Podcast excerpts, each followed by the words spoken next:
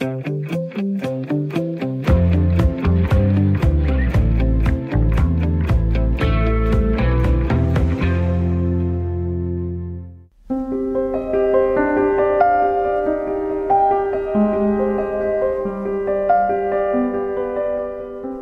være en sorg at indse, at man måske aldrig får den kernefamilie, som man har drømt om. I denne Radio 4-reportage skal du møde Berit og en håndfuld kvinder, jeg har mødt i et netværk, der fortæller om, hvordan de på et eller andet tidspunkt er brændt ud eller har mødt en mur i rollen som stedmor. Men hvorfor er det så svært at være stedmor eller bonusmor? Lige så snart du træder ind i de her børns liv, så har de jo nogle forventninger til en. Øhm, det har ens øh, mand også. Han har også nogle forventninger. Man har selv nogle forventninger. Og i starten var der ikke nogen, der afstemte. Du hører jo sjældent om små piger, der har en anden prinsessedrøm om at finde en en mand, der har nogle børn og også en eks. Altså, det, det er aldrig en del af eventyret.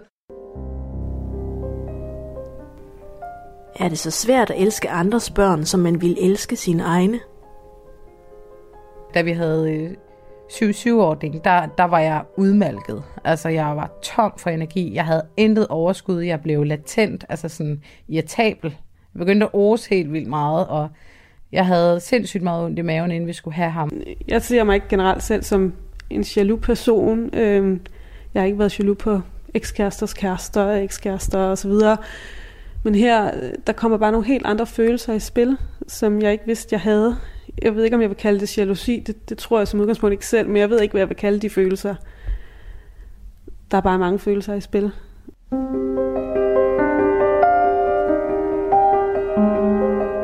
Berit er stedmor til en pige på 15 og en dreng på 12 år. Indtil for nylig kunne steddatteren godt finde på bare at blive væk, uden at sige noget. Tror du, hun kommer? Ja, det tror jeg, hun gør. Hvad er chancerne for, at hun så overholder det? I dag er de ret store. Men vi har været ude i situationer, hvor de ikke var ret store. Det er klart, altså, når man er 14 og 15 år, så er der noget andet, der er vigtigere. Det kunne være, at jeg skulle komme hjem til jer på søndag så og se. I denne Radio 4-reportage fortæller en håndfuld kvinder om, hvorfor det ikke kun i starten, men også efter nogle år bliver ved med at være udfordrende at være stedmor. Jeg hedder Camilla Lie Fabricius. Du lytter til Radio 4. Jeg er på vej til Brøndby Strand for at møde Berit, som har inviteret mig hjem. Og øh, jeg er ret spændt på at komme hjem til Berit i dag, fordi det faktisk så nok bliver første gang i fire måneder, at Berits papdatter måske også kommer. Men det ved vi ikke rigtig nu. Øhm, og så må vi lige se om, øhm, ja, tage situationen derfra, om jeg kan, om jeg bliver nødt til at slukke mikrofonen. Nogen vil sige, vi er på landet. Hvis man gerne vil have lidt mere plads, så er det, så er det faktisk kun et kvarter væk. Så har man ret meget mere for pengene her i Brøndby. Og her står jeg så foran Berits hus, og øh, der er en dejlig have. Hej. Hej. Tak skal du have. Jeg hedder Berit, øhm, og øh, jeg har været sammen med min mand i 11 år. Øh, og lige så lang tid har jeg været papmor. Øh, så jeg har en papdatter på øh, 15 og en papsøn på 12. Og så har jeg en søn på 4 og en datter på 1.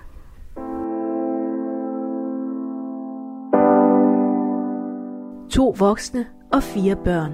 Lyder det ikke bare som en helt almindelig familie med lidt flere børn end gennemsnittet? Hvad er det for forventninger, som Berit taler om er svære at leve op til og håndtere i en sammenbragt familie som stedmor? Altså kan man overhovedet gøre alle glade, hvis der er børn i forskellige aldre med forskellige behov? Min søn, som jo bliver 5 år lige om lidt, han er jo ellevild med hans søskende. I dag kommer min store søster. I dag kommer din storsøster. Ja, hun skal ikke sove. Ja. Men hun skal også hjem igen i dag.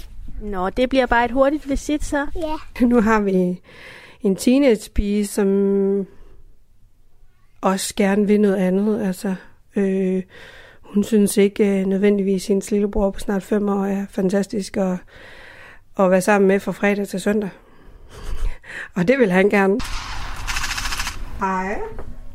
Må vi forstyrre dig? Hej. Ui, der er gang i computerspillet herinde. Ja. Og nogle gange så, så, bliver, så bliver vi nedprioriteret i forhold til nogle andre ting, og det er helt naturligt med teenager. Men det ligger der jo også en forklaring i. Altså, hun, hun bor her jo ikke, hun, hun er her jo ikke, han kan jo ikke bare se hende, når han vil. Så, så det er jo i virkeligheden os, der har formidlingen i hverdagen til at sige, øh, hvad der sker, og fortælle ham, hvad, hvorfor kommer hun ikke lige øh, på fredag, som hun plejer. Og hvorfor synes hun i virkeligheden, det er vigtigt at være sammen med venner? Fordi det kan han ikke forstå. Så min søn har stået i situationer og, og grædt om fredagen, fordi hans søster ikke kom. Hvis vi skal forstå, hvad Beats største frustration går ud på i dag, altså at de to største faktisk ikke ser deres far mere end en eller to dage hver anden uge, og Berit efter bedste evne må forklare sin yngste søn, hvorfor stedsøster nogle gange bare bliver væk, så skal vi nok 11 år tilbage for at forstå, hvorfor det er endt sådan. Altså hvordan Berit generelt har haft meget lidt kontrol med, hvornår eller hvorvidt stedbørnene skulle komme eller ikke komme i deres fælles hjem. Mange konflikter kunne opstå, fordi det i starten mest var Berits mand eller hans ekskæreste, der altid traf beslutningerne. Så hvad er det, konflikterne går ud på mellem dig og din kæreste i starten? Jamen altså, det handler jo, jo meget om i virkeligheden, øh, og det er man jo blevet bagklog på, men man, man blev, altså ens grænser blev meget overskrevet. Fordi at øh, når der skal aftales, hvornår børnene skal være i mit hjem, så er jeg måske ikke en del af det. Men øh, når der skal planlægges, hvad der skal laves af mad og sådan noget, så er jeg vildt meget en del af det. Det er allerede dengang, der var der jo mange konflikter mellem øh, min, min mand og hans eks. I starten, der havde de jo den der turbulente øh, måde at aftale tingene på. Altså, der lå ikke nogen fast, øh, der ligesom gik igen. Så vi kunne ligesom sådan planlægge, hvis vi skulle noget om tre måneder, for eksempel. Jamen, øh, så kunne det godt blive overrulet af, at nu så, så lavede han en anden aftale omkring, hvordan han skulle have børnene. Og det kunne godt overrule det, vi, vi måske havde øh, planlagt. Men for ham, der var det sådan følelsesmæssigt jo. Han, han, han planlagde jo efter, øhm, øh, måske efter savn. Han savnede sine børn, eller øhm, bare lysten til at, at give sine børn et eller andet i en eller anden form. Øh, og jeg sad og så på det med andre øjne, jamen altså, nu har vi lige aftalt, at vi skal det her. Eller bare, vi havde, vi havde måske bare planlagt et eller andet, vi skulle mig og ham på den måde, ikke? Og hvad sker der så inde i dig? Der har helt sikkert været situationer, som har været, ut, altså, som har været meget alvorlige, og som helt sikkert øh, ligger op til, at man revurderer nogle ting derhjemme,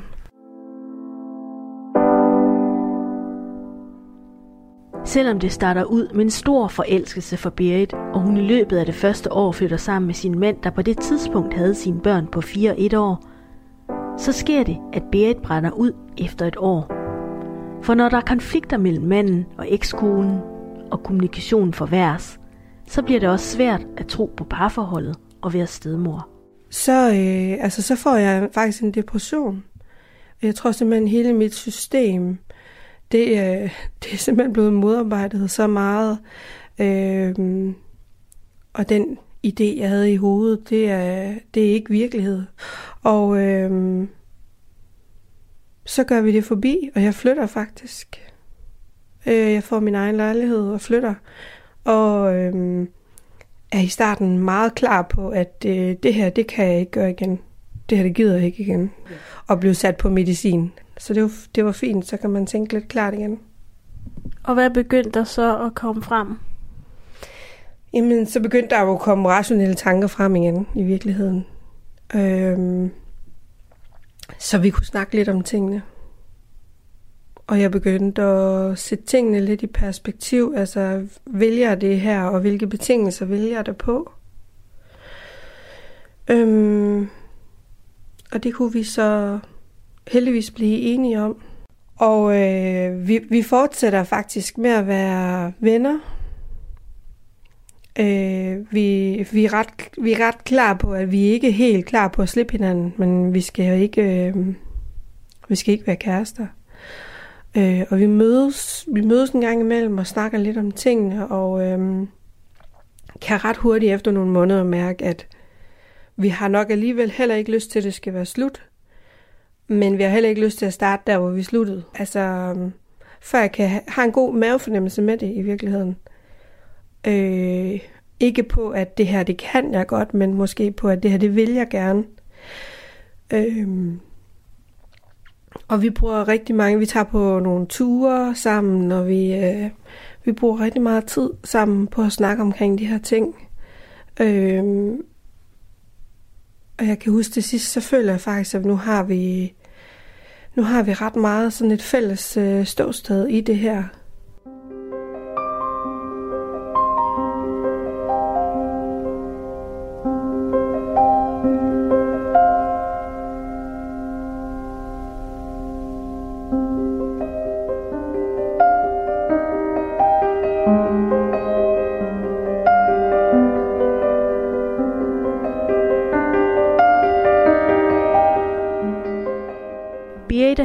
Kæreste fandt et ståsted igen. Og Berit brugte tid på at mærke efter, hvilke betingelser de skulle fortsætte på.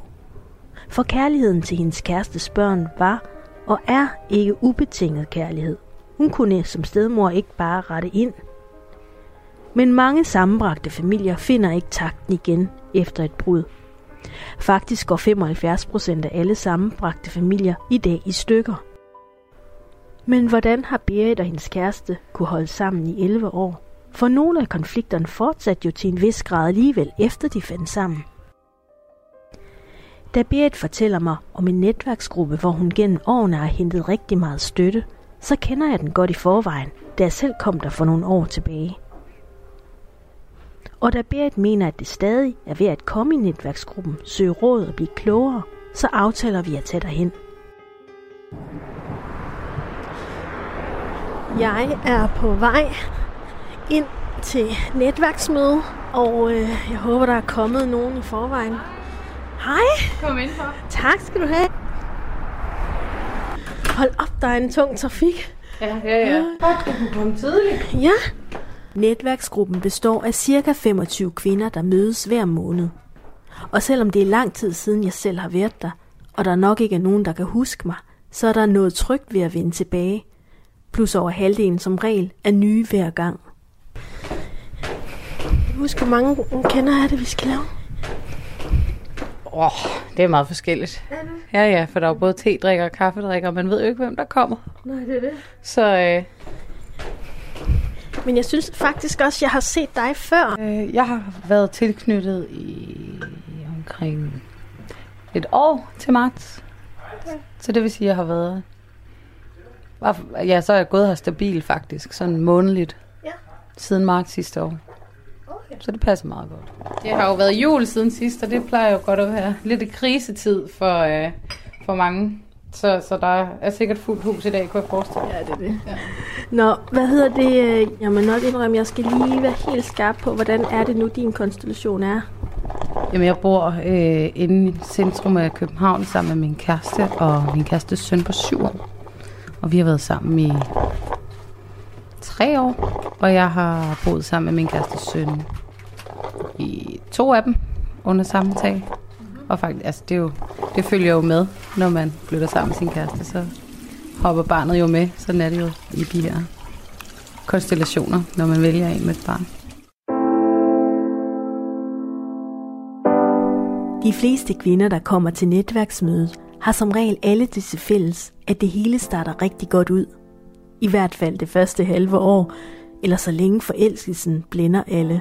Jamen, jeg vidste jo, at vi begge to var blevet singler, og så, øh, så så jeg ham, og så tænkte jeg, jamen, jeg har jo egentlig altid syntes, han var mega dejlig. Altså, og det er jo egentlig den skinbarlige sandhed, og det samme vidste jeg egentlig også, han synes, jeg var. Men det har ligesom bare været, vi har begge to været i forhold på skift. Så det har aldrig rigtig passet ind, men når vi har set hinanden, har der bare altid været et eller andet særlig energi. Og det der fik vi jo så bare bekræftet. Altså, men det er jo den der, vi har begge to et eller andet ønske om spontanitet og frihed, og det der med at komme ud og lave noget sammen, og opleve naturen og være, være ude, og det behøver ikke være så fint, og hvad skal man sige... Øh. Jamen, jeg tror, det er jo det der med, at han er sådan rimelig meget der, hvor han er. Altså, han er ikke 100 andre steder, og det finder du bare ikke mange der i dag. Og det er jo selvfølgelig også noget af det, der irriterer mig grænseløst i dag, det er jo, at han er, hvor han er. Og han er sammen med de mennesker, han er sammen med, der hvor han er. Så han glemmer nogle gange alt andet. Men det er også en af de store styrker, jeg ser hos ham, og som jeg virkelig elsker, han har.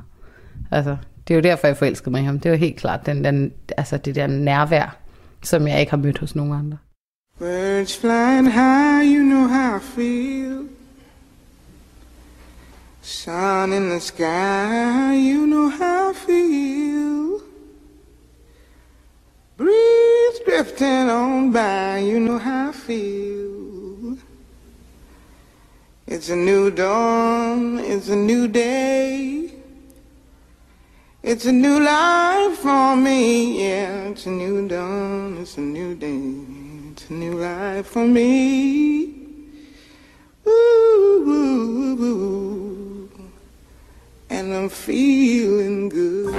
Da jeg kommer til netværksmødet og er i god tid, så bliver jeg mindet om, hvorfor jeg i sin tid selv kom i gruppen. Det er nemlig så let at komme til at sætte alt for høje forventninger til sig selv. Når du i forelskelsens rus bare vil gøre det så godt, både over for den mand du møder og hans barn. Problemet er bare, at det tager tid at udvikle relationer til børn. Og det er nemt nok at forstå med hovedet, hvis man overhovedet når at tale med nogen på det pågældende tidspunkt. Men det er ikke nemt at forstå med hjertet.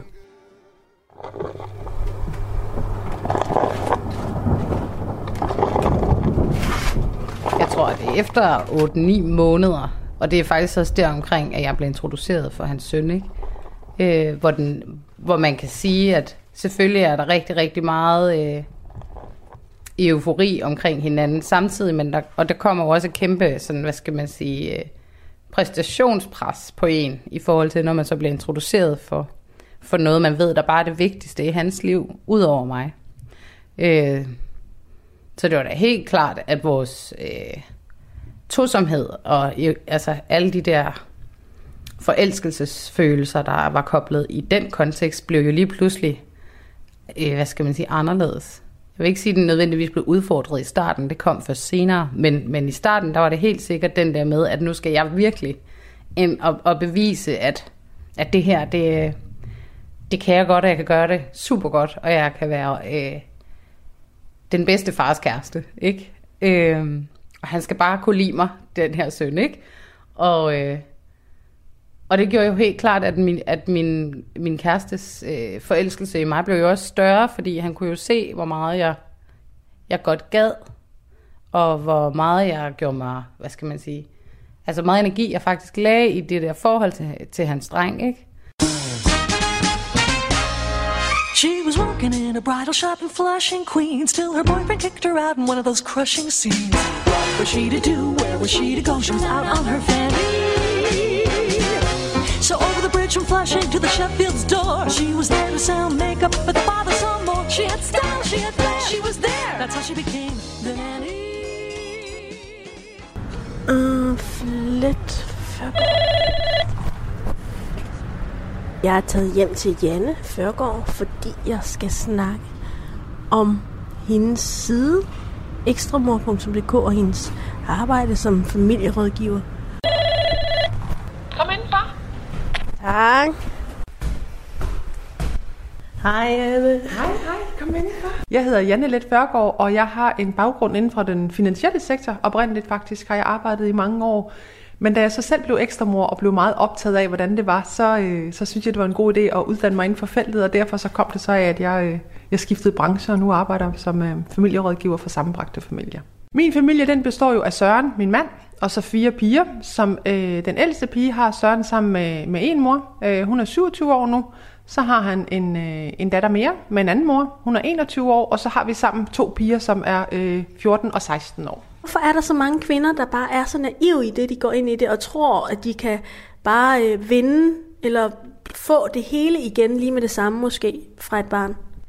Altså, jeg tror simpelthen, at det er fordi, at, øh, og det er også det, folk siger, jamen, du vidste jo, hvad du gik ind til, og der er bare nødt til at sige, nej, det ved du simpelthen ikke. Man har ikke nogen idé om, hvor, hvor, meget, hvor mange følelser, der bliver vagt til live i en, når du bliver kæreste med en, der har et barn fra tidligere. Det er nødt til at sige, det er der simpelthen ikke nogen, der ved. Og øh, jeg tænkte også selv, og det tænker langt de fleste af dem, jeg også sagde med, hvor svært kan det være? Det, det ser faktisk ud til at være nogle utrolig søde børn, og det er en virkelig dejlig mand. Det skal nok gå.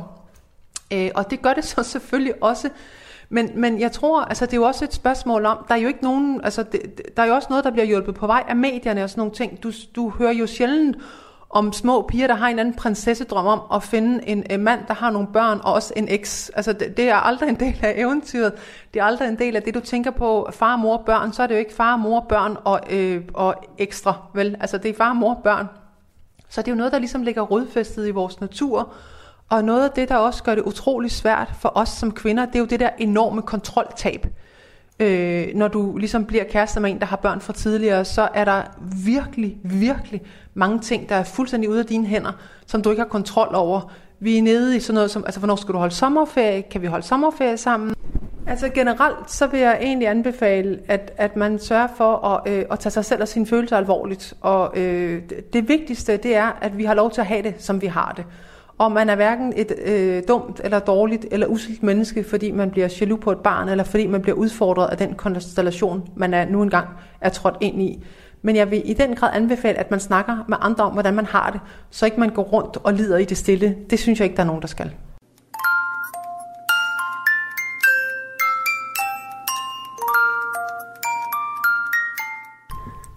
Inden vi går videre med gode råd fra familierådgiver Janne Lidt Førgaard, vil jeg sige, at størstedelen af de kvinder, jeg har mødt i netværksgruppen, alle er gået ind til det hele med åben sind. Intentionen er altså god nok. Og måske er det også derfor, at kvinderne efterfølgende har det til fælles, at de falder dybere, jo højere de er fløjet op i skyerne fra starten. Men ja, hvem kan bebrejde et forelsket par, når ingen ved, hvad de går ind til? Det varede faktisk også ved sådan et godt stykke tid, tror jeg, et halvt års tid, hvor, hvor det her var jeg også. Men jeg kan så også begynde undervejs at mærke de der knolde, der begyndte at komme i maven, og øh, jalousien, der begyndte at blomstre til tider, fordi at jeg, uanset hvor, hvordan man vender og drejer det, så bliver jeg jo aldrig, øh, jeg kommer jo ikke til at have en lignende relation, som de har. Jeg kommer til at have en anden. Men det tog rigtig lang tid måske at egentlig at erkende, eller blive klar over, at jeg skal ikke have en relation til den her dreng, som nogle af de andre relationer, jeg kender til. Altså det er jo en helt ny type relation, hvis man skal sådan måske karakterisere det på et eller andet fasong, ikke? Og så tror jeg, at, øh, at det der med, at man, man går ind i det med den, altså, hvad skal man sige, kontekst, der hedder, at øh, jeg er så vild med den her mand, så nu skal jeg også gøre hans søn vild med mig og jeg skal være vild med den søn. Ikke? Det har aldrig sådan, altså slet ikke slået mig, altså, at jeg ikke ville kunne lide barnet. Det var den anden vej, der var frygten, ikke? Hvis nu, at jeg var den, der var problemet, ikke? Det havde aldrig slået mig, før jeg landede i det selv, at problemet faktisk langt hen ad vejen lå inden i mig med de her ting. Øh, og da det ligesom begynder at gå op for mig undervejs, at, at jeg egentlig ikke synes, at det er bare nemt, og at jeg også kan begynde at have sådan nogle, måske nogle af de der skamfulde følelser, som hører med det her, hvad skal man sige, trekantsdrama, det er også voldsomt, det er jo ikke nødvendigvis drama, men den her, den her øh, treenighed, som man på et eller andet måde er i gang med at skabe, at den kan jeg faktisk, der, der bliver jeg nødt til at og faktisk nogle gange, øh, hvad hedder det, eller der må jeg sådan krybe til korset og sige, der kan jeg ikke være det, jeg gerne vil være. Og da den ligesom kommer, så lukker jeg bare ned.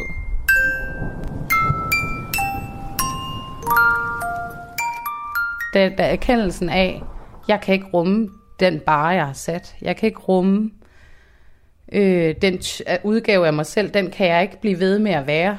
Altså, Fordi det var sådan familien evig glad i starten, hvor jeg bare lavede mad og kom ind og legede og læste højt, og vi sov alle tre i samme seng, og alting var simpelthen så lyserødt i et eller andet omfang. Ej, det var også, ja. Men i hvert fald meget harmonisk, hvis man så det på et billede. Men indeni var det bare kaos, fordi jeg skulle bare gøre mig så umage for at opretholde den her overskudsfacade.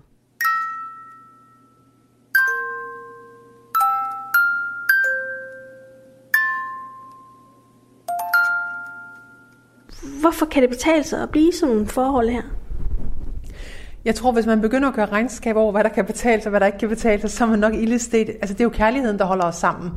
Øh, og, og det er jo også det ekstra møder igen og igen siger, jamen jeg elsker bare min kæreste så helt utrolig højt, så jeg vil bare have det her til at fungere.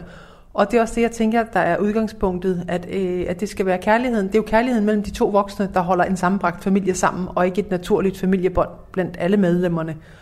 Og så, øh, så tror jeg også på, at jeg havde selv en, øh, en forhåbning om, at, øh, at livet var konfliktfrit. Og der må jeg bare konstatere, at, at det er det ikke. Livet er fyldt af konflikter, øh, og det er det både, uanset om du lever i en sammenbragt familie, om du er single, eller du lever i en kernefamilie.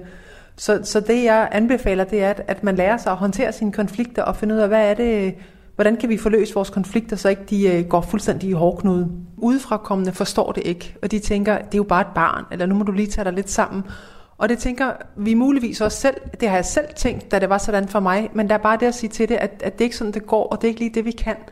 Øh, pointen er jo, hvad skal man sige, at øh, altså, vi, det er følelsen af ikke at være den allervigtigste i ham, vi elsker højst liv. Det er jo det, der sådan kommer i spil. Og jeg tænker også, der er også noget med, altså ens selvværd bliver også bragt i spil. Nu er jeg pludselig den anden vigtigste, og så må jeg tilpasse mig et, et andet menneske, som jeg ikke frivilligt har valgt. Man kan sige, jeg har jo valgt, jeg er blevet forelsket i faren, og ham har jeg aktivt tilvalgt og barnet følger med. Øh, og det afsted kommer altså simpelthen en fuldstændig overvældende følelsesmæssig reaktion, hvor jalousien helt klart er en af dem. Og det var også noget af det, der selv overraskede mig ganske gevaldigt, da jeg selv blev ekstra mor. Jeg tænkte, det kan jo simpelthen ikke passe. Der må være noget galt med dig. Almindelige mennesker bliver ikke jaloux på et barn. Det kunne være sådan noget med, øh, når børnene skulle i seng, så tænkte jeg, jeg kan simpelthen ikke forstå, at det kan tage så lang tid at lægge et barn i seng. Så længe tager så lang tid kan det vel ikke tage at læse en godnat-historie. Nu sidder jeg her og venter og er helt klart øh, til kærestetiden.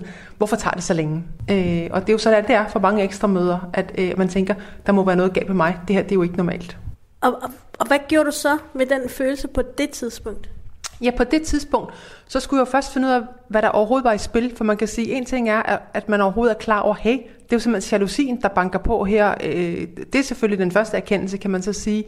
Og så kunne jeg godt se, at det fungerer jo ikke. Det er et barn, der skal sove, og der skal læses en godnathistorie, og det kan være, at det tager et kvarter, det kan være, at det tager tre timer. Det er jo ikke noget, jeg behøver at blande mig i. Det jeg gjorde, det var, at jeg fik vendt det rundt til, det er jo noget tid for mig selv. Jeg kan sidde og, og hygge mig med at lave præcis det, jeg nu har lyst til, sådan, så det ligesom blev et, hvad skal man sige, ud af nød blev det et positivt element mere, end det blev sådan et frustrationspunkt. Og det er da også det, jeg vil anbefale, at man gør. At hvad kan man, altså, når nu situationen den ikke kan være anderledes, hvad kan man så drage frem af positive elementer? Hvor mange bliver vi egentlig i dag? Jamen altså, vi plejer jo faktisk omkring i snit at være omkring de der 20-25 kvinder, ikke?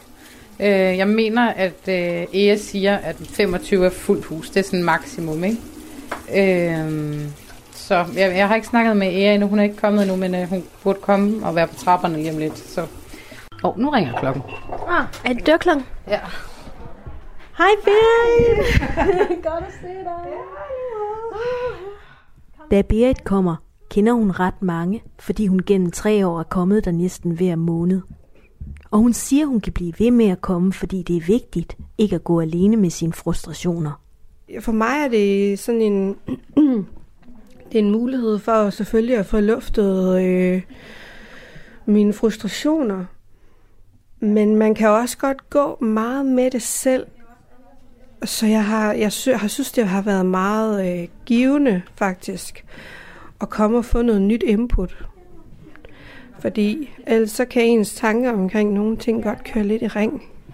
Og så kommer man ind, og så hører man lige en historie, lige øh, som rammer plet, eller rammer et eller andet i en i hvert fald, ikke? som så giver en selv et nyt, nyt perspektiv på det. Øh, og det, jeg tror i virkeligheden, det er det, man har behov for, fordi man er jo i situationer, hvor du kan ikke ændre på noget. Du kan kun ændre på dig selv. Så syder rummet af kvinder i 30'erne, 40'erne, jeg ved ikke, måske slutningen af 20'erne også. Og øh, stolene er blevet sat op i en rundkreds. Og vi skal til at i gang. I har en, en standardpræsentation, fordi der er altid nogen, øh, der er nye. Faktisk er det næsten altid halvdelen.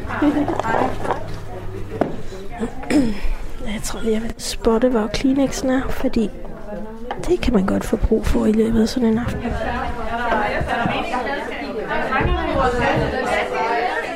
Nu vil jeg lige, jeg vil lige have tjekket op, om jeg har alle med. Da netværksmødet starter, står mødefacilitator og familieterapeut Ea Femerling med sin liste over tilmeldte. Og mødet starter som regel med, at alle bliver råbt op og præsenterer sig. Jeg hedder Ea Femerling, og øh, jeg har øh, været i den her gruppe øh, i siden 01 faktisk. Nej, det passer ikke. Jeg var bonusmor fra 2001, hvor jeg møder min mand og hans børn. Og så starter jeg i selve i gruppen, da den er lille bitte, der i 2003. Og så har jeg selv været facilitator og mødeleder for den fra 2007. Det vi gør, det er, at efter vi lige har, efter jeg snakker, har snakket løs og færdig her, så deler vi os op i to grupper. Det foregår altså sådan, at man har 7 minutter, 8, 7 minutters taletid. Ingen afbrydelser, ingen må spørge om noget, man er, har fuldstændig frit lejde til at fortælle, hvad man, hvad man har, og lige laver sådan en præsentation af sin familie, og hvordan og hvorledes det hænger sammen. Og så laver man en... Øh, og så når man er færdig med sine syv minutter, så, siger det, så kommer der en lille alarmklokke ting, der siger, nu er det slut. Og så har man et minut til at slutte af. Og sådan går hele vejen. Sådan går det hele vejen rundt. Og så har vi en pause. Og så når vi samles igen, så laver jeg en opsamling med, hvad det er, der har, hvad I har lagt særligt mærke til, eller hvad I, hvad I synes, der gjorde indtryk på jer. Min familie ser sådan ud, at øh, vi har været sammen i 20 år. Han har, øh, min mand han har øh, to børn på 22 og 19 år. Og så har vi fælles en på 16 og 12. Så skal vi huske på, at vi er forskellige steder i livet med forskellige forudsætninger. Det vil sige, at vi må og skal og må og kan ikke dømme hinanden. Så vi kan ikke, vi, hvis, hvis man gerne vil give et råd til hinanden, så bliv hos sig selv og sige, jeg har gjort sådan og sådan og sådan. Måske kan du bruge det til noget. Det kan være, at de første to gange ikke giver specielt meget mening i forhold til de historier, de andre har haft, eller man ikke har kunne resonere så meget ind i det. Men måske den tredje, der resonerer man mega meget. Så det er rigtig vigtigt, at man ligesom tænker det her som et forløb, man starter på. Fordi man åbner op for noget. Fordi det er jo nogle lidt svære følelser, vi kommer ind under. Øhm, så, så min anbefaling er helt klart, at man ligesom prioriterer det her de første fire gange, fire, fire til fem gange, og så ligesom siger, okay, nu har jeg givet det en chance. Giver det eller giver det ikke mening for mig? De principper, der er for den her gruppe, det er, at øh, det er et lukket forum. Netop fordi, at vi ikke sidder på en café, så skal vi huske, at vi har tavshedspligt for hinanden. Det, der bliver sagt her, skal blive herinde. Så det skal I lige tænke over.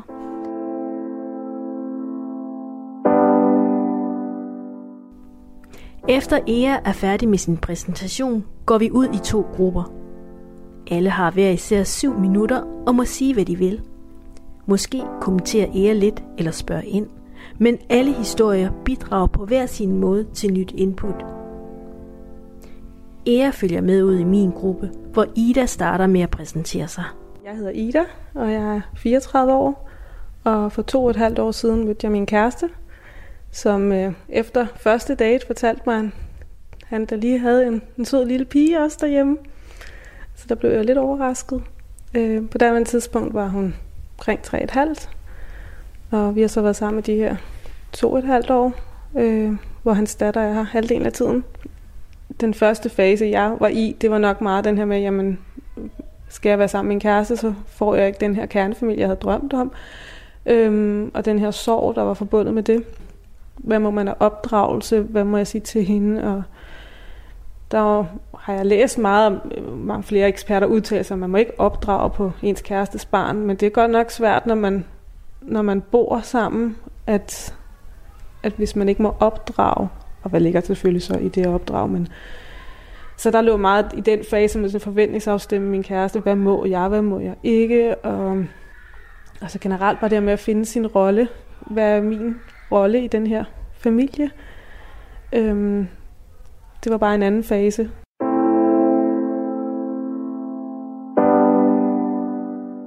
Når Ida beskriver, hvilke faser og hvilke følelseshav hun som stedmor indtil videre har været igennem, så er der stadig frustrationer forbundet med, at hun ikke kan udleve sine drømme. Og hun må samtidig indordne sig sit liv de næste til 15 år efter ekskonens bestemmelser.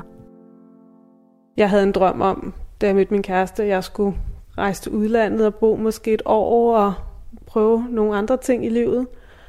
Øh, nogle drømme, jeg også luftede for ham den første gang, at vi var på date, hvor han sagde, ej, det lød mega spændende, og det kunne han da også godt se sig selv. Men da daten ligesom sluttede af med, at han havde en datter, så kunne jeg godt se, at den drøm, den ligesom brast. Øhm, og det har jo ligesom affundet med, at sådan er det ikke. Men dermed så tror jeg også, at ferien er ekstra vigtig, at man får nogle fede oplevelser der. Jeg tror måske også det her med, at, at vi ikke selv har børn endnu, kan måske også gøre det lidt sværere, for jeg synes, den her tid, hvor man ikke har børn, eller hvor jeg ikke har børn, var det måske nu, jeg godt kunne tænke mig at have nogle fede ferieoplevelser. Gøre nogle fede ting sammen med min kæreste. Og mit bonusbarn, for den sags skyld. For hun har en alder, hvor hun godt ville kunne tage med på nogle, nogle fede ture. Hvor jeg måske nogle dage føler, at, øh, at bonus datter fylder mere, end, end hun måske skal i den pågældende situation. øhm, så bliver det lige pludselig for meget for mig, og så tænker jeg slet ikke konstruktivt, eller så går klappen bare nærmest ned, og har bare brug for noget fred til lige at komme mig. øhm, det, det synes jeg er rigtig svært. Øh, og så føler man, at sit liv er meget begrænset til, at man kun skal have den her hverdag, der fungerer, men de der ekstra ting, de, de nogle gange ryger på gulvet. Biomor og ham gik fra hinanden, da hans datter blev født kort tid efter. Så han har ikke rigtig, han har været vant til det i flere år jo, end jeg har. Så han siger, at han er vant til at blive skuffet, så øh, han sætter ikke næsen op efter for meget. Øh, så måske bliver jeg lige så hærdet på et tidspunkt, men øh, det er nok ikke indtil videre.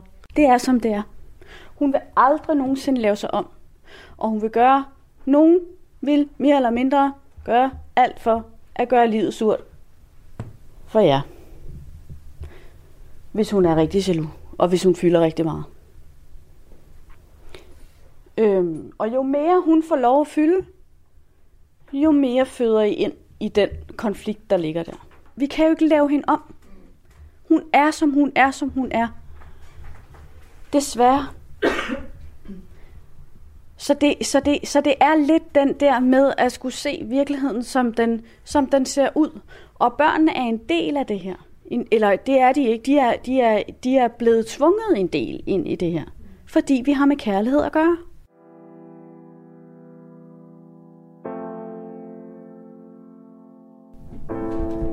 Ja, det kan være svært at acceptere virkeligheden som den er, hvis det betyder, at jeg konstant må forholde mig til min kærestes ekskærestes humør og indordne mig hendes spontane bestemmelser.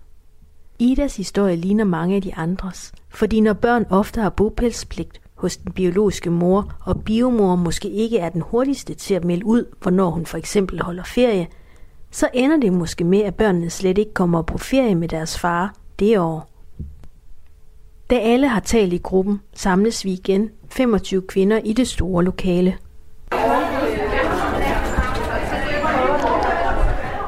Vi har nu været ude i to grupper og skal samles inde hos Ea og øh, den her lille pause giver virkelig anledning til at spørge på kryds og tværs. Hvad mener du egentlig med det? Nu vil jeg lave en lille opsamling her i forhold til, eller I skal hjælpe mig med at lave en opsamling. Jeg vil bare høre, hvad, hvad har I snakket? Hvad, hvad har sådan kommet frem i prap, happet i forhold til, hvad har I, som jeres, jeres grupper sådan har været, været styret af, eller hvad, øh, hvad hedder det? Hvad har I særligt lagt mærke til? der er blevet talt om i dag. Der var flere i vores gruppe i dag, som faktisk stod ved afgrunden og var sådan, er det det her værd for mig at blive i? Altså det her, det tager så meget på mine kræfter og min energi, at jeg står faktisk dagligt hver morgen, når jeg kigger mig i spejlet og tænker, er det det her værd for mig? Og der er et eller andet skævvreden der, siden at man bliver så nedslidt, øh, som de kvinder i min gruppe i hvert fald var i dag. Øh, og det var jo alt fra, at der var enormt mange konflikter med den biologiske mor, til at der var så store konflikter med ens partner omkring, skal vi have et barn sammen, eller skal vi ikke have et barn sammen? Biologiske uger, der tækker. Øh, kan jeg være øh, mor til et barn, samtidig med at jeg ikke er mor til de andre børn? Altså alle de her konflikter, der ligger i at være sammenbragt familie. Er det det her værd? Er vi stærke nok til at kunne stå i det her? Skal jeg, eller skal jeg ikke? Vil du mig, eller vil du mig ikke? Den, den, den, der er, den, den er der, og den skal frem på et eller andet tidspunkt, ofte. Jeg vil sige generelt, så er min oplevelse af, at hvis du har klaret de to første år, og du har øh, været øh, ærlig, gået bevidst ind i det her forhold, og stået ærligt frem i forhold til, hvordan man har det i denne her familie, eller man har det i det her parforhold med hans børn, hendes børn, øh, så, øh, og, det, og det bliver mødt af den af partneren. Og man arbejder bevidst på at få en god relation til de her børn. Øhm, så, så, øh, så er de der første to år, de er allervæk. Det, det, det er de hårdeste. Fordi det er der, hvor man går igennem hele det der følelseshav. For at forstå sit eget følelseshav, så tegner Ea en trekant på tavlen. For hvis man ikke selv er klar over, at man er fanget og cykler rundt i det, hun kalder offertrekanten. Når man ryger ind i anklager og redder og offerrollerne sammen med sin mand eller kæreste, så ryger det, så, øh, så når den ene er i offer, så går den anden i anklager, og så springer man rundt fra de her øh, tre positioner. Og det øh, er rigtig, rigtig, rigtig dårlig kommunikation. Så det vil sige, Ea, at, øh, at når man øh, hele tiden øh, kun synes, at man bliver uretfærdigt behandlet, så har man puttet sig selv i, i øh, offerrollen lidt. Og, og for at komme videre, så, øh, så, bliver man, øh, så bliver man ligesom gal, og så går man over i at Jamen, det er heller ikke min skyld, og det er også øh, hans og hendes og den skyld. Så, så bliver man lidt angriber. Og når man så på en eller anden måde har fået nok af at være angriber, så, så flytter man sig videre til at være øh, redderen. Okay, jeg skal også have det hele til at blive godt igen. Helt klart, men det kræver, at man tør kigge på sig selv og man tør kigge på sine øh, skyggesider, og man tager sine skyggesider alvorligt. Det er redderen, der ofte træder ind i den sammenbragte familie. Fordi jeg, ja, vi hørte den også lidt i vores gruppe. Jeg kommer, så skal jeg redde den her familie, og jeg er meget bedre kvinde i bund og grund for det her barn. Nogle gange i hvert fald. Men jeg ved godt, at moren hun er den vigtigste og den bedste i barnets perspektiv. Men, men der er jo en, der er en far, som er, som er som ikke har været så glad for den der anden kvinde, så derfor så er man jo den bedste i hans optik. Så det er redderen, der taler her, der kommer frem her i starten af det her. Og i redderen, der, kan der, der kommer man hurtigt over i offeret også, fordi hvor er det synd for mig. Og jeg offrer mig for, så lader jeg være med at tage ud og rejse, og jeg tager lade være med at gøre det, som der er vigtigt for mig. Fordi at øh, nu er jeg jo kommet ind i en sammenbragt familie, og det er vigtigt for min mand og hans barn. Og den måde at træde ud af det her på, det er ved, at man tager ansvar for sig selv. Man tager ansvar for at finde ud af, hvad er det, der er vigtigst for mig her. Hvor meget ansvar skal man tage øh, i den situation, man er i? For jeg har oplevet ret mange ansvarsfulde kvinder, som jeg også øh, opfattede som om, at det, at det der med, at de gjorde sig så umage for at tage ansvar for deres situation, hvor jeg ofte tænkte, jamen, er det, altså, du, det er ikke nødvendigt, du tager så meget ansvar, fordi man kunne også høre, at det var enormt nedslidte kvinder, som ikke egentlig, altså som faktisk var i deres nødvæve. Altså, det var, det var ikke nødvendigt, de skulle tage så meget ansvar, som de gjorde. Langt hen ad vejen, så er vi her for at lære at værne om os selv, og lære at sætte nogle grænser for os selv, og synes, det er okay at sætte grænser. Øhm, fordi det at være en sambragt familie, det, det har skabt nogle, hvad skal man sige, andre rammer for grænsesætning, end man er vant til, eller man havde tænkt, det skulle være. Når man ved, hvad ens egen et, et, ens eget behov er, så kommer den, øh, så, så, så, kan, så kan folk omkring sig og i sin familie her bedre navigere rundt. Så er det, så er det grænse, grænsesætningen kommer, kommer frem som værende øh, en, øh, en mega vigtig spiller i at kunne finde sig selv.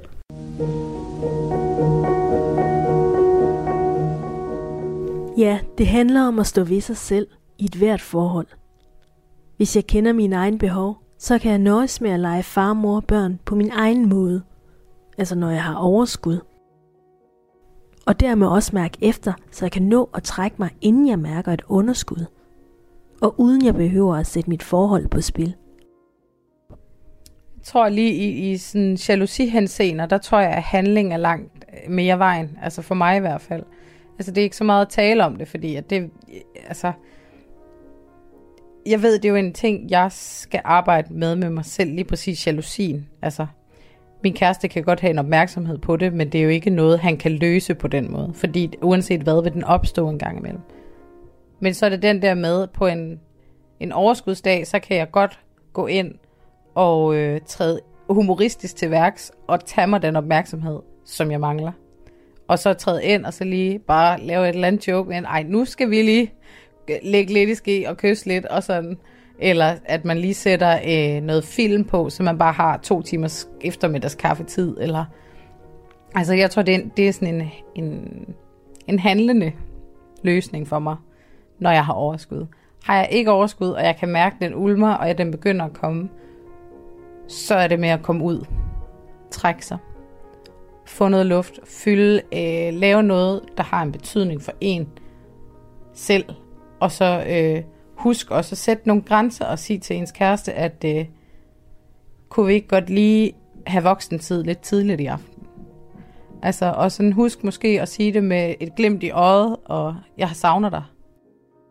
Men hvis man ikke har overskud til det, så kan du ikke det. Så ulmer du, og så bliver du mærkelig og lugter, som jeg har forklaret tidligere. Øh, så der, er du, der må du tage dit ansvar, hvis du ikke kan, kan være øh, respektfuld til stede i øh, relation til, til barnet, så må du gå og finde noget, der giver dig energi. Gå ud og drikke en kop kaffe. Tag en podcast i ørerne. Øh, gå en tur. Skynd dig ring til en veninde, du ikke har snakket med længe. Altså, og få noget, øh, noget der distraherer. Det har været min taktik også.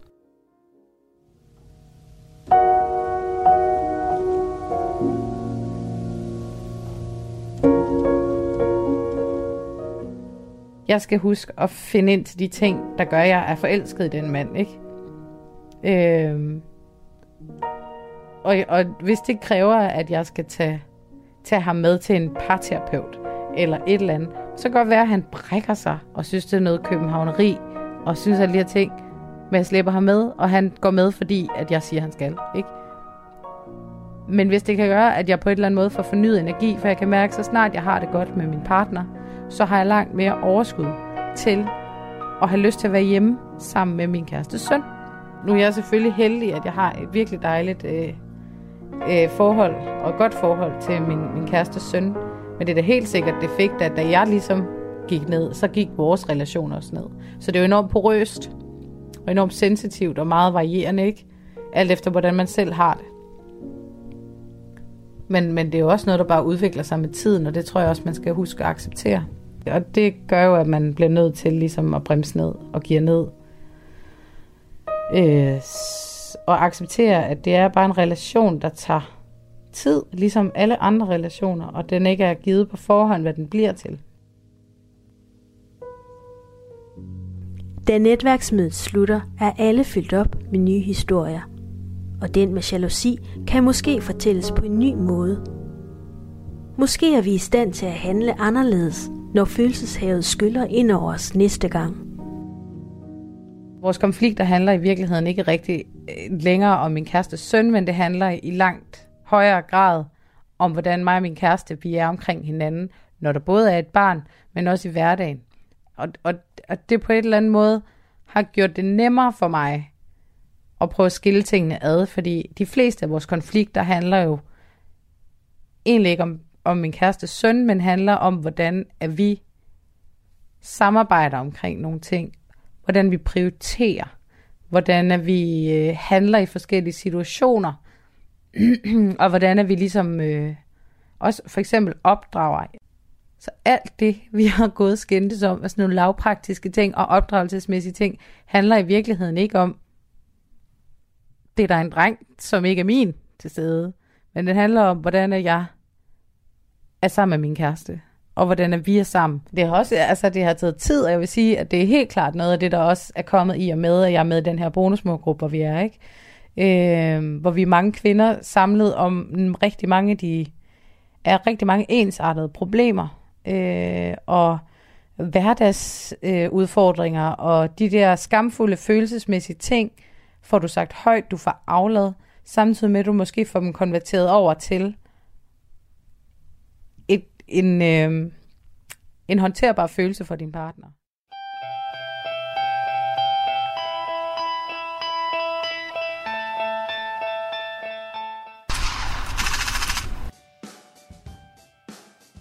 Men tilbage til Berit i Brøndby, hvor det er weekend, og der bliver spillet computerspil. Her fortæller Berit mig, at hun måske godt ved, hvorfor papdatteren på 15 år kan føle sig presset over at komme på besøg, når hun ved, det måske giver anledning til konflikt i den anden ende. Jeg kan mærke, at vi stadigvæk efter 10 år dealer med nogle børn, der øh, er utrolig presset øh, over, at de voksne ikke bare kan være i stue sammen og drikke en kop kaffe sammen. Og det, øh, det tror jeg er noget, der vil præge dem hele livet, faktisk. Altså det, øh, det er sådan en af de ting, som desværre bare er deres lod. Øh, fordi det har deres forældre valgt for dem. Øh, det, jeg tror, det gør ikke, det gør aldrig noget godt for børn. Øh, når forældre ikke kan finde ud af at være i deres egne følelser. Mens jeg bliver vist rundt, og vi er inde på steddatterens værelse, der står og venter på hende. Og så bor storesøster så her. Ja. Så ringer det på døren. Men altså, det bærer selvfølgelig præg af, at hun ikke er her så tit, fordi det er også lidt øh, opmagasinering og nogle gange lidt gæstevalg. Ja, det er jo det. Sådan det. Men så må hun komme og sætte sit præg på det jo. Det er jo det. Her vælger jeg at slukke mikrofonen, for jeg kan sagtens beskrive med ord, hvordan lillebror pludselig spotter storsøster gennem vinduet, der kommer gående ud på vejen. Og hvordan en glad pige kommer ind ad døren og giver knus til alle. Familien kan for en kort stund glæde sig over at være samlet. Og så må kun tiden vise, om børnene bliver ved med at komme på familiebesøg, helt af dem selv i deres senere voksenliv.